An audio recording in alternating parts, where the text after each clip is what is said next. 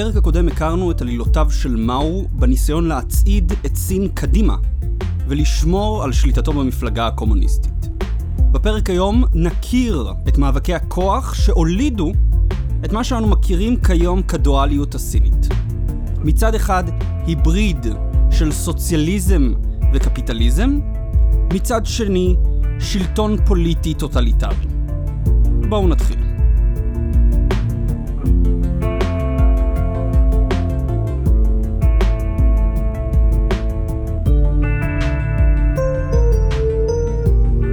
אני רוצה לפתוח בסיכום קצר של הפרק הקודם, בדגש על הדינמיקה של המחנות השונים בתוך המפלגה הקומוניסטית. ככה יהיה לנו סדר בראש, ואת הרקע המתאים להבין את הפרק הנוכחי. ב-1949 המפלגה הקומוניסטית הייתה מחנה אחד, עם מאו כמנהיג היחיד דה פקטו. לאחר כישלון הקפיצה הגדולה קדימה, ב-1962, קמו שני מחנות, מחנה פרגמטי ומחנה אידיאלי. הפרגמטים היו מעוניינים לשלב בין סוציאליזם למעין כלכלת שוק, מתוך הבנה שתמריץ חומרי נדרש בשביל להניע עובדים. מפתיע. הם גם שמו את הדגש על ידע טכני ונתונים כבסיס לקביעת מדיניות ולא אידיאולוגיה. לעומתם, האידיאליסטים בראשות מאו האמינו שהדבר החשוב ביותר הוא לדבוק באידיאולוגיה הסוציאליסטית של תכנון מרכזי ושוויון, גם במחיר של כישלון כלכלי. עבורם דיבורים על תמריץ חומרי נשמעו ככפירה בתורתם של מרקס, לנין ומאו. על אף שהמחנה הרפורמי השיג מספר הישגים בתחילת שנות ה-60, הוא נמעך על ידי מאו. מאו השתמש בכת האישיות שלו בשביל להניע מיליוני צעירים ששימשו אותו לטהר את המפלגה מאישים המתנגדים לו. המהפכה התרבותית של 1966-1976 חילקה את המפלגה מחדש בגישה למהפכה התרבותית. מחנה אחד, אם נרצה המחנה המתון, רצה לסיים את המהפכה ולהשיג יציבות. מחנה שני, המחנה הרדיקלי, רצה להמשיך ולתאר לחלוטין את המפלגה מגורמים בורגניים ואנטי-מהפכניים. בשתי התקופות האלו הגורם המכריע איזה מחנה ישלוט בכיפה היה מאו צדון.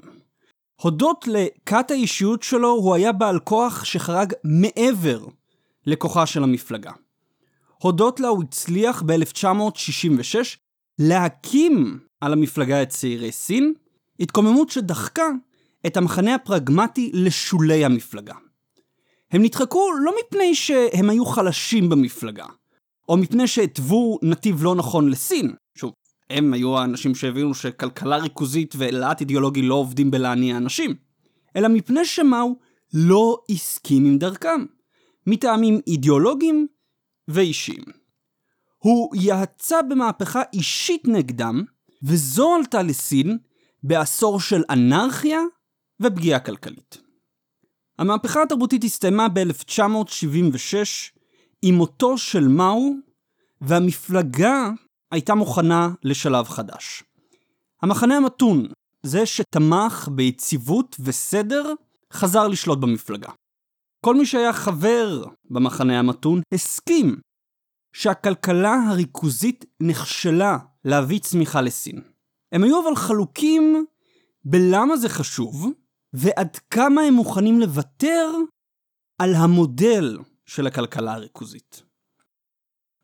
שוב קמו ועלו שני מחנות, המחנה הרפורמי והמחנה השמרני, שהגדירו את עצמם ביחס לרפורמות הכלכליות של דנג שיאופינג, שהתחיל אותן ב-1978. מה היה ההבדל בין שני המחנות? השמרנים היו מעוניינים מעל הכל לשמור על שלטון המפלגה הקומוניסטית בסין. הם הסכימו לרפורמות מסוימות בכלכלה מפני שהם הבינו, לאור מאה שנות השפלה, שאם המפלגה רוצה להמשיך לשלוט, היא חייבת להבטיח רווחה חומרית לעם הסיני. אם הוא יגבה שוב ברעב, כמו בקפיצה הגדולה של מאו, שלטון המפלגה יסתיים. הם התייחסו לכן לרפורמות כרוע הכרחי. הם לא רצו אותן, אבל לא הייתה להם ברירה. הם היו מוכנים לקבל מעט רפורמות, אך תוך שהם אוחזים ברעיון של כלכלה ריכוזית ושואפים לצמצם עד כמה שאפשר את הרפורמות. כלומר, תן לנו כמה שיותר מהמודלים של מאו, תן לנו כמה שפחות מהקפיטליזם הבורגני. לעומתם הרפורמים ראו ברפורמות כלכליות שלב בדרך לשלטון דמוקרטי יותר בסין. בין חבריה של הקבוצה הזאת היה הו יו בן, המזכיר הכללי של המפלגה עד 1987. עבור הקבוצה הזו, הרווחה של העם הסיני לא הייתה סתם כלי לשלטון, אלא מטרה בפני עצמה. הם רצו להכפיף את המפלגה לחוק, להעניק חופש ביטוי לאזרחים ולתת זכויות פרט. עבורם ההתנערות מהכלכלה הריכוזית הייתה חלק מההתנערות מהאידיאולוגיה של מהו בכלל. אולי אף מהרעיון של הדיקטטורה הדמוקרטית של העם, שהיה הבסיס, והוא עדיין הבסיס בסין, לדיקטטורה המפלגתית של המפלגה הקומוניסטית בה. בין שתי הקבוצות האלו, בין השמרנים מצד אחד ובין הרפורמים מצד אחר, עמד דן שאופין, ששב למרכז הכוח של המפלגה אחרי מותו של מאו. דן היה שותף לחששם של השמרנים מעיבוד כוחה של המפלגה, בו בזמן שתמך ברפורמים, כי ידע שהם אלו שיקדמו את הרפורמות הכלכליות שלו. ב-1978 דן ידע שתמיכתו היא במחנה הרפורמי. אך האם התמיכה הזאת תחזיק לאורך זמן?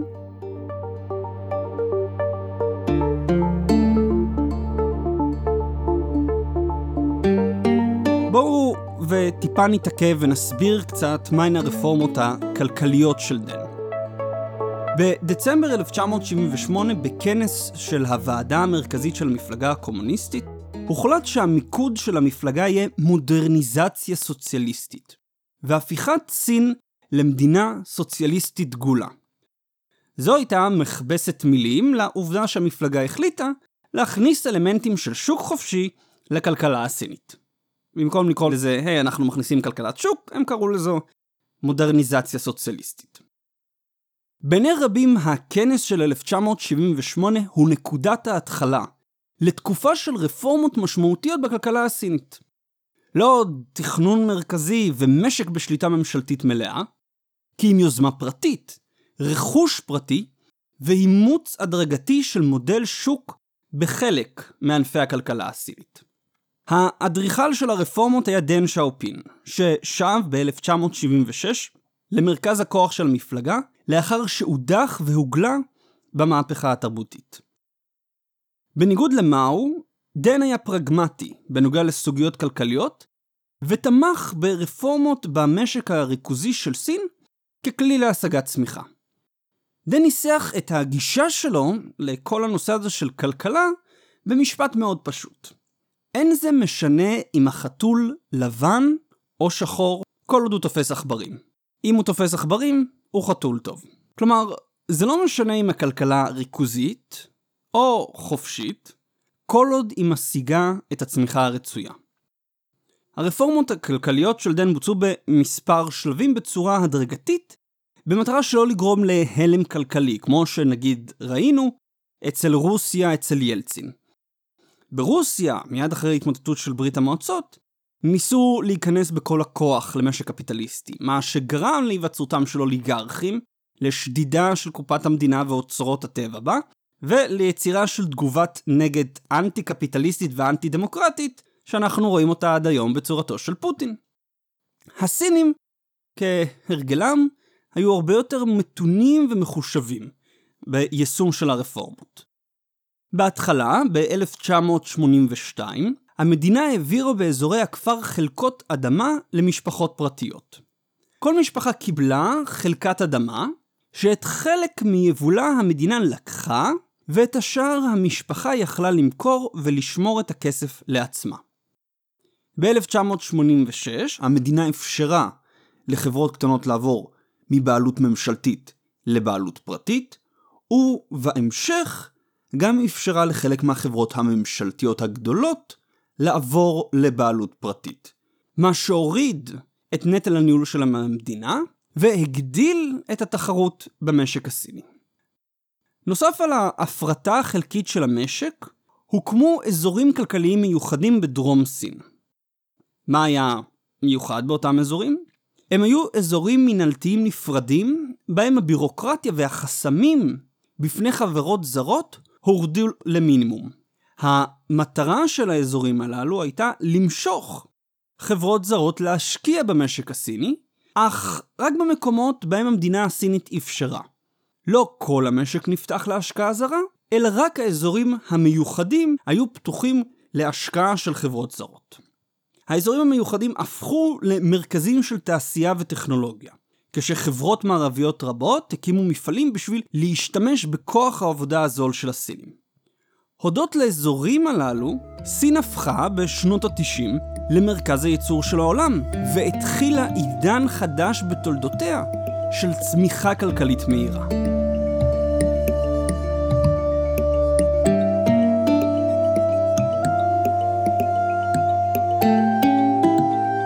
הפתיחות הכלכלית והרפורמות במשק הביאו חלק להאמין, משקיפים פנימיים וחיצוניים, שסין בדרך להפוך לדמוקרטיה.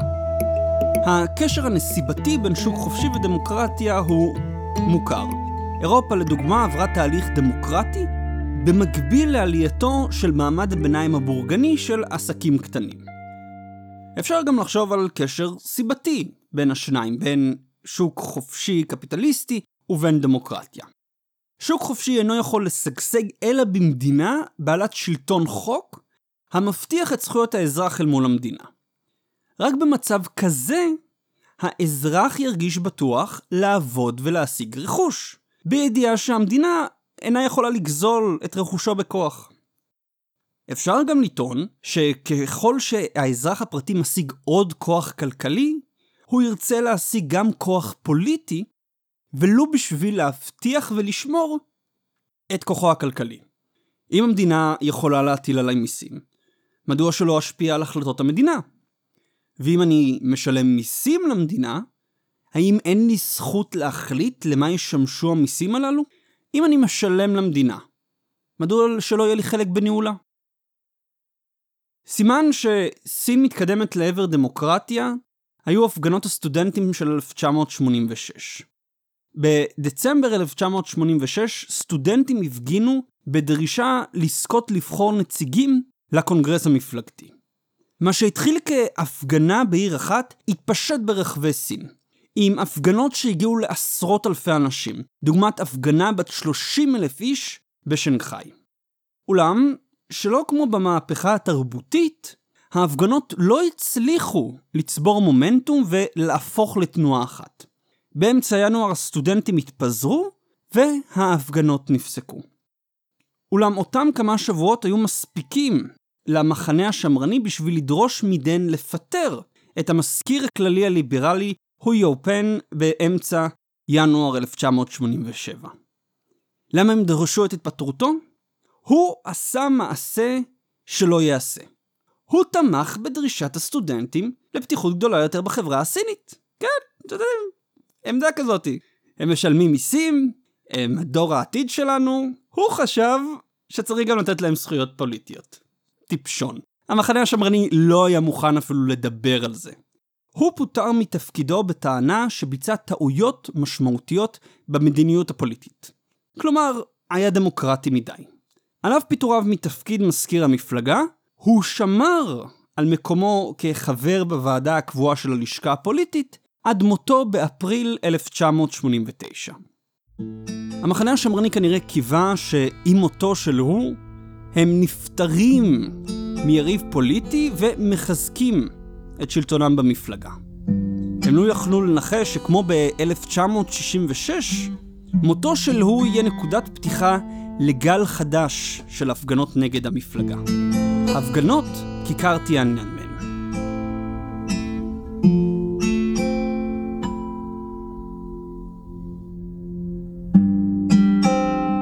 הפגנות כיכר טיאננמן לא התחילו כהפגנות. הן התחילו כשעשרות אלפי סטודנטים ואנשים הגיעו לכיכר לחלוק כבוד אחרון למנהיג המנוח, להוא. הוא ייצג עבור הסטודנטים ועבור אנשים רבים בסין תקווה לשינוי. ככל שחלפו הימים, מספר האנשים בכיכר גדל. ולאט לאט מכינוס לזכרו של הוא והרפורמות שהוא היה אולי יכול לעשות, אבלים הפכו למפגינים שרצו להשיג את הרפורמות שהוא לא הצליח להשיג בתקופת כהונתו. הם התחילו להפגין ולקרוא לחופש גדול יותר בסין. הם דרשו חופש ביטוי, הם דרשו מאבק בשחיתות, והם דרשו לקבל חלק גדול יותר בפוליטיקה של המדינה. הם רצו את מה שנמנע מהעם הסיני כ-40 שנה. להיות באמת מעורבים ברפובליקה העממית שלכאורה משרתת אותם. המחנות בצמרת המפלגה היו חלוקים בתגובה. המחנה הרפורמי, בראשות המזכיר הכללי החדש ז'או ג'י יאנג, רצה לפתוח בדיאלוג עם הסטודנטים. ז'או הקשיב לסטודנטים והאמין שהמפלגה הקומוניסטית צריכה להיענות לקריאות שלהם ואולי אף לוותר במקומות מסוימים. שוב, המחנה השמרני לא היה מוכן אפילו לשקול את זה. המחנה השמרני שבין חבריו היה ראש הממשלה לי פנג וסגן ראש הממשלה יאו ילין, ראה בסטודנטים גורם מרדני שיש לפזר, לא גוף לגיטימי שיש לנהל איתו דיאלוג. באמצע מאי 1989, כחודש מתחילת ההפגנות, ז'או הגיע לדבר עם הסטודנטים והתנצל שהגענו מאוחר מדי. הוא רצה לשמוע אותם ולפתח דיאלוג איתם על איך אפשר לקדם ביחד את סין. מה שהוא לא ידע זה שבאותו יום ממש בו הוא הגיע לדבר עם המפגינים, לי פנג, ראש הממשלה שלו, הכריז על משטר צבאי בסין. הרפורמים רצו לדבר עם המפגינים, בעוד השמרנים, בזה שהטילו משטר צבאי, הראו שהם מוכנים להפעיל את הצבא בשביל להשיב את הסדר. נראה היה שהמאבק בין המחנות עמד לקרוע את המפלגה מבפנים.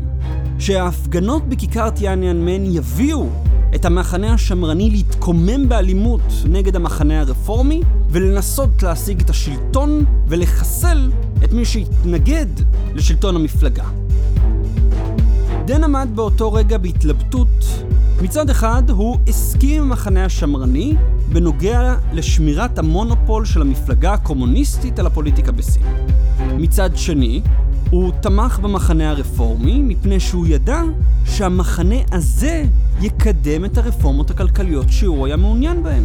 הוא ידע שהמחנה השמרני ראה בחשד את הרפורמות הכלכליות, והאמין שקפיטליזם הוא רוע שיש לצמצם עד כמה שניתן. דני יחליט? ללכת עם הרפורמים ולהסתכן במלחמת אזרחים, או לתמוך בשמרנים ולסכן את הרפורמות הכלכליות שלו?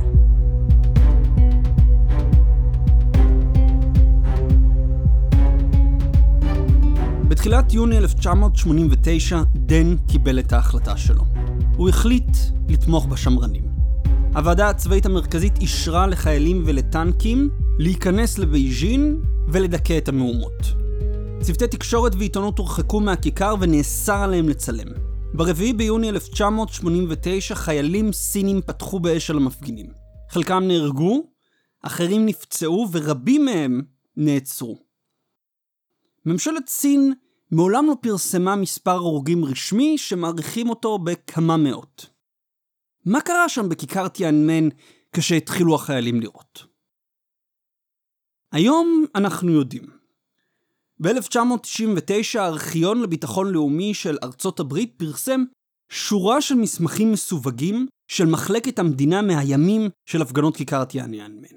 המסמכים מספקים הצצה נדירה ומפתיעה למה שהתרחש בבייג'ין מיד אחרי הירי במפגינים ב-4 ביוני 1989. קישור לארכיון נמצא באתר ואני ממליץ לכם בחום להיכנס ולעיין בו. מה כתוב שם? היינו יכולים לדמיין שמול טנקים ונגמשים, מול חיילים חמושים ברובי סער, הסטודנטים ירימו ידיים ויתפזרו במהירות. אבל לא כך היה. לפי המסמכים, על אף שמאות נהרגו ואלפים נפצעו, המפגינים נלחמו בצבא הסיני באמצעות אבנים ובקבוקי מולוטוב. נגמשים הועלו באש וחיילים הוכו למוות על ידי מפגינים. בזיזה החלה במקומות שונים בעיר, לפעמים על ידי חיילים שפרצו לחנויות ובנקים. לפי המסמכים, גם אחרי שהאזרחים פוזרו מהכיכר, הצבא המשיך לשלוט בבייג'ין עצמה.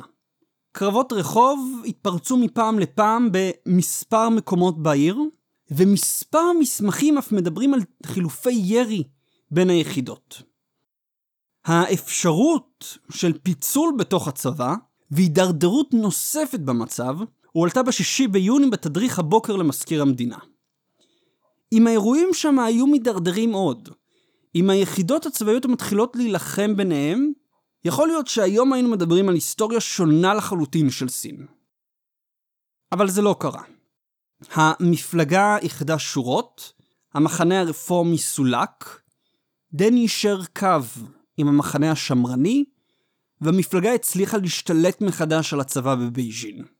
הפגנות כיכר טיאן מן נמעכו תחת הסוליה של הצבא האדום. סין חזרה לשליטת המפלגה. מעט אחרי אירועי טיאניאן מן, באמצע יוני 1989, ז'או פוטר מתפקיד המזכיר הכללי של המפלגה, ובמקומו מונה ז'יאן ג'יאמין, החבר של במחנה השמרני. כעשרת אלפים ממשתתפי ההפגנות נעצרו ונשפטו. על הטבח בכיכר הוטלה צונזורה חריפה שקיימת גם היום. ז'או עצמו הושם תחת מעצר בית עד מותו בתחילת שנות האלפיים. המחנה השמרני ניצח, והוא לא היה יכול לעשות זאת ללא תמיכתו של דן. דנג שיאופינג, הרפורמטור הגדול, תמך בשמרנים ובשימור הדיקטטורה המפלגתית בסין. כשנאלץ לבחור בין יציבות לשינוי, הוא בחר ביציבות. אולם המחנה השמרני לא הכיר לו טובה על תמיכתו. להפך, הם תקפו את הרפורמות הכלכליות שלו ואילצו אותו להתפטר בנובמבר 1989 מתפקידו כראש הוועדה הצבאית המרכזית של המפלגה. הם תקפו את הרפורמות הכלכליות שלו וטענו במיוחד שהאזורים הכלכליים המיוחדים, המנוע הכלכלי של סין, הביא רק שחיתות ופשע. דנג הבין לאן הרוחות נושבות, ובניסיון אחרון להציל את הרפורמות הכלכליות שלו, יצא בתחילת 1992 לסיור הדרומי. שרשרת ביקורים שלו באזורים הכלכליים המיוחדים בדרום סין. למה הוא עשה את זה? המטרה שלו במהלך הסיור היה להשיב ולהדגיש את חשיבותם של האזורים המיוחדים לכלכלת סין, ואת החשיבות של המשך של הרפורמות כלכליות.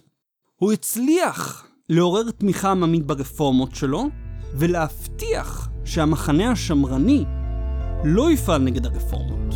לפחות לא כל עוד הוא חי.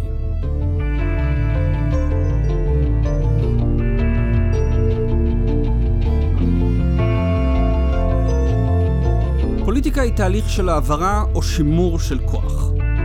מהקמתה של הרפובליקה העממית של סין ב-1949, המפלגה הקומוניסטית נשלטה על ידי הפוליטיקה של ההנהגה הבכירה שלה. פרגמטים ואידיאליסטים, מתונים ורדיקליים, רפורמים ושמרנים.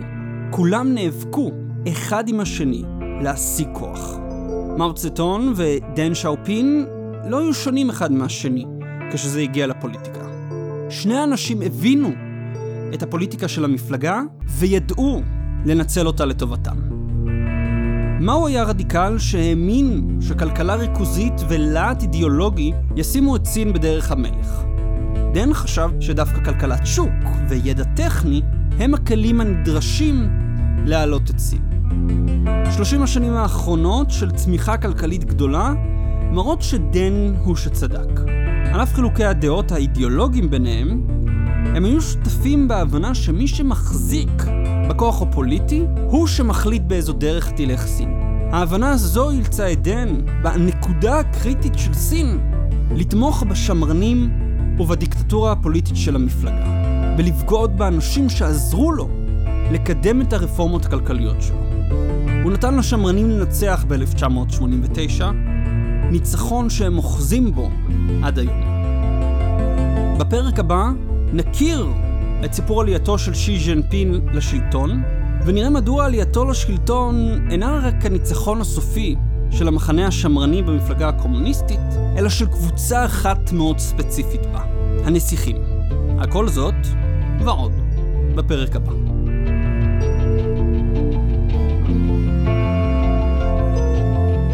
זה הכל להיום, אל תשכחו לדרג את הפודקאסט ב-iTunes ולהמליץ לחברים ולבני משפחה. אם יש לכם הערות או הערות, אתם מוזמנים לשלוח אליי למייל בניצן פוקס שטרודל Gmail.com או דרך דף הפייסבוק של המשחק הגדול. אם אתם מעוניינים להמשיך ולהתעדכן בידיעות מהמשחק הגדול, אני מזמין אתכם להצטרף לדף הפייסבוק, לערוץ הטלגרם או ערוץ האינסטגרם.